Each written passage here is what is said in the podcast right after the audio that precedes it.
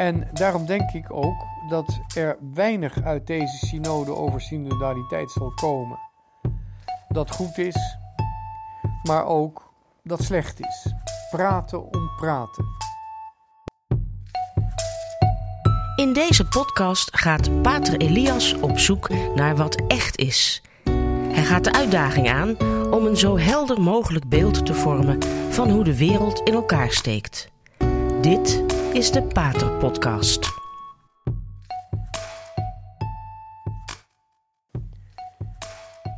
Binnenkort gaat de synode over synodaliteit beginnen. Groots aangekondigd, maar in schril contrast daarmee lopen de mensen er nog nauwelijks warm voor. Min of meer omdat het moet, wordt er vanuit de kerkelijke organisatie wel met gematigd enthousiasme over gepraat, of met formeel enthousiasme, maar je hebt niet het gevoel dat er veel mensen zijn die er echt warm voor lopen. Het komt toch altijd een beetje het gepraat over de synode, over synodaliteit. Het komt enigszins conformistisch op mij over. Er zijn wel ook mensen die iets meer hun stem verheffen, die zich erg zorgen maken om die synode over synodaliteit. Ze zijn bang dat de leer van de kerk op cruciale, wezenlijke punten zal worden veranderd. Er zijn ook een aantal organisatoren van de synode over synodaliteit, bijvoorbeeld kardinaal Hollerich van Luxemburg, die dat ook openlijk al aankondigen. Dat zij vinden dat de leer van de kerk op bepaalde punten moet worden veranderd en op hele belangrijke punten moet worden veranderd. En zo komt het dat er een heleboel mensen zijn die eh, luidruchtig zich zorgen maken over die synode, over synodaliteit. Nou moet ik heel eerlijk zeggen, als ik nou vooruit kijk, dan zie ik niet zoveel. Maar als ik kijk naar de naam alleen al van dit gebeuren, synode over synodaliteit, dan maak ik me eigenlijk nergens zorgen om. Synode over synodaliteit, dat is zoiets als praten over praten. En veel gevolg kan dat niet hebben. Praten over praten, dat kun je zo lang doen als je er zin in hebt. Maar irrelevant blijft het. En daarom denk ik ook dat er weinig uit deze synode over synodaliteit zal komen. Dat goed is, maar ook dat slecht is. Praten om praten. Ik denk dat het uiteindelijk irrelevant zal blijken. Het zal snel vergeten worden en er zullen geen spectaculaire conclusies uitkomen. Daar is het een te groot en te log gebeuren voor en bovendien gebaseerd op een definitie die in cirkeltjes draait. Het is een soort van zelfbestuivende definitie. We gaan praten over praten. En die, die vreemde definitie duidt wat mij betreft al op een, iets dat irrelevant zal blijken.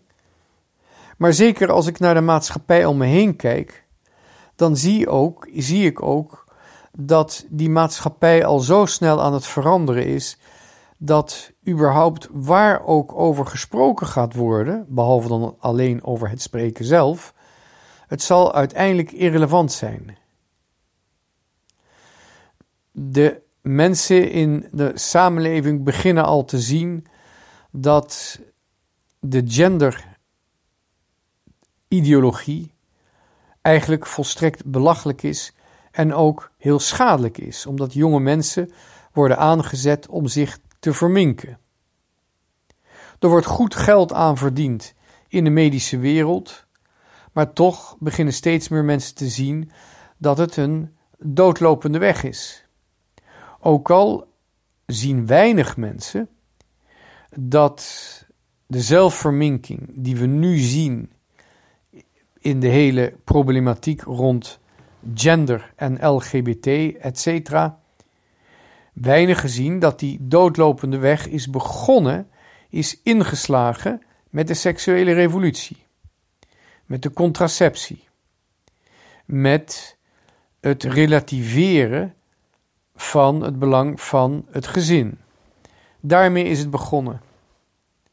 De seksuele vrijheid om te doen met het lichaam wat je wil op seksueel gebied is uitgelopen op een dwangmatig verminken van je eigen lichaam, omdat je niet meer goed in je eigen vel zit. In plaats van kinderen heeft de seksuele revolutie vooral identiteitsproblemen veroorzaakt. Dat begint in de samenleving door te dringen in met, name de Duitse synodale weg hebben ze daar nog weinig van gehoord. Ze willen nog doorgaan in de weg die ze menen te moeten inslaan, namelijk het veranderen van de kijk van de kerk op de wereld, zoals de genderideologie dat voorstelt. Wat dat betreft loopt die synodale weg in Duitsland eigenlijk geweldig achter. Maar er zijn andere problemen die in die synodale weg nauwelijks te sprake zullen komen. Men heeft het graag over immigranten ontvangen. En het feit dat wij die migranten iets verplicht zijn vanuit de naaste liefde. Men heeft het weinig erover dat die immigranten cultuur meenemen. En dat de vraag niet is of ze zielig zijn, maar of ze deel willen nemen aan ons leven als verantwoordelijke burgers in een samenleving. Zij kennen dat niet in de landen waar ze vandaan komen, willen ze daar aan deelnemen in onze landen. En die vraag wordt niet gesteld omdat juist onze eigen landen ook op dit moment met een geweldig identiteitsprobleem zitten. We willen mensen opnemen met een andere identiteit en een andere achtergrond, terwijl we onze eigen identiteit en onze eigen achtergrond nauwelijks meer durven te vinden. Er zijn wel wat schijnoplossingen. De steeds lachwekkender worden, wordende Thierry Baudet wil duidelijk afrekenen met de Franse Revolutie, maar niet met de seksuele vrijheid. Hij gaat er zelfs prat op dat nergens zo meer zoveel seks wordt bedreven als door leden van het Forum van Democratie. Ik, ik heb het hem zelf zien zeggen. Nou, hoe deze clown dan wel de Franse Revolutie wil afschaffen, maar niet de seksuele revolutie die ermee samenvalt, dat is mij een raadsel. En bovendien wil hij dan het Franse koninkrijk en de pruikentijd herstellen. Wat wil hij dan wel? Je ziet dat bij al deze mensen die weer gaan zoeken naar eigen identiteit, dat ze er ergens blijven steken. De een in de Franse Revolutie, de andere in de Industriële Revolutie, de andere in de Reformatie. Maar niemand durft echt, durft echt terug te gaan op het begin, op de oorsprong. De oorsprong van de openbaring, de, op, de oorsprong van onze beschaving in het zoeken naar universele waarheden. Het komt allemaal niet meer ter sprake. Maar er wordt wel naar gezocht. En dat ook dat komt nauwelijks in die synodale weg ter sprake. Het gaat toch vooral over linkse ideeën die men graag in de kerk gestalte wil geven, terwijl de hele maatschappij eigenlijk die linkse ideeën al volledig uitgekotst heeft. De maatschappij is met andere dingen bezig. De samenleving maakt zich echt niet meer zorgen om wat synodale, synodaliteit nou werkelijk betekent, waar ze zich mee bezighoudt. Het is een en al irrelevant geworden. Onze samenleving maakt zich over andere dingen zorgen. Er zijn wel trendy dingen als klimaatverandering en stikstoftoestanden. En de genderideologie wordt ook de jongere generaties opgedrongen. Maar je ziet al dat er in de maatschappij hele andere dingen aan de gang zijn. De boeren, eh, de inflatie, het enorm gebrek aan personeel, omdat mensen liever deeltijdbanen hebben dan volle banen. Er zit een hele merkwaardige scheefgroei in de economie. Je zou bijna zeggen, het lijkt meer op een kapseizend schip. En dat zijn onderwerpen waar de synodale weg eigenlijk totaal niet, niets van begrijpt, zich niet mee bezighoudt. Met andere woorden, de kerk, zoals die zich presenteert in de synodale weg, is volstrekt irrelevant geworden voor de ruime meerderheid van de mensen in deze samenleving, die wel degelijk absolute waarheden zoeken. Er is wel degelijk een religieus besef in de samenleving. En dan heb ik het niet over, het modieuze spiritua over de modieuze spiritualiteit waar iedereen het over heeft.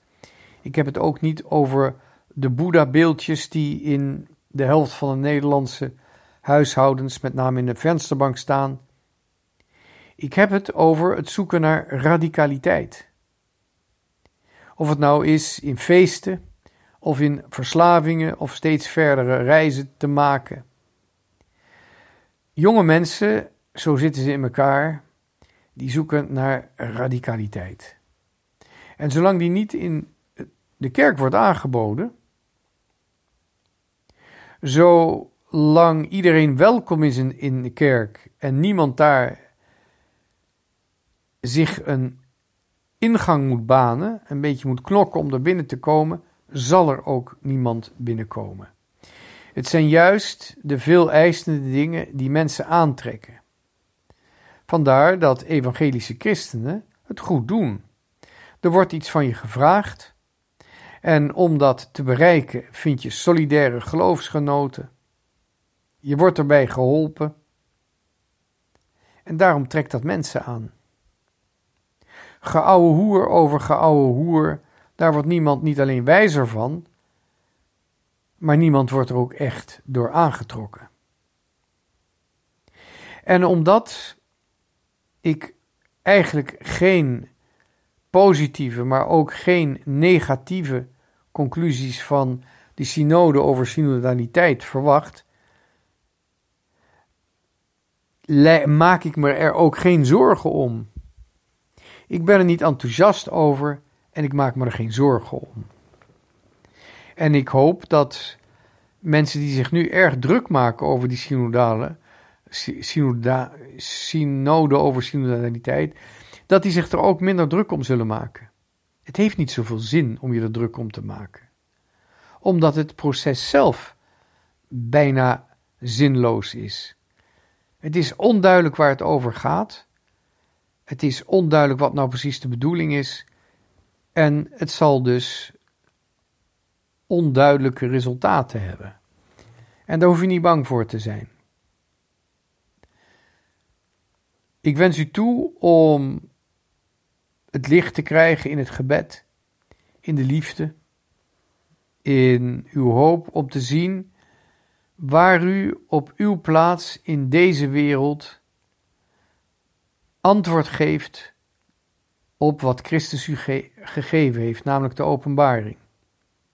Wij moeten ieder van ons op de plaats waar we zijn, moeten we verantwoording afleggen voor wat we van God hebben ontvangen. Ik zou bijna zeggen, de rest is bijzaak. op de plaats waar we zijn, vanuit de sacramenten die we ontvangen direct van Jezus Christus, wie ook de bedienaren van die sacramenten zijn, vanuit onze plaats waar we zijn, kunnen we ons leven heiligen in een persoonlijke band met Christus. En die persoonlijke band, vergeet het niet, die is nooit door wat voor gesprek of wat voor vergadering is die ooit uit te drukken. Het geheim dat we delen met Christus is niet democratisch bepaald. Ook al kan het openbaar worden in het martelaarschap, in een openbare getuigenis die vrijwel altijd in deze tijd lastig is, moeilijk is, niet makkelijk zal gaan. Christus vraagt ons niet de gemakkelijkste weg te kiezen. Hij vraagt ons Hem te volgen. En wanneer we werkelijk in geloof Christus proberen te volgen, dan hebben we geen democratische raad of stemming nodig om onze richting te bepalen. Bedankt voor het luisteren en tot de volgende keer.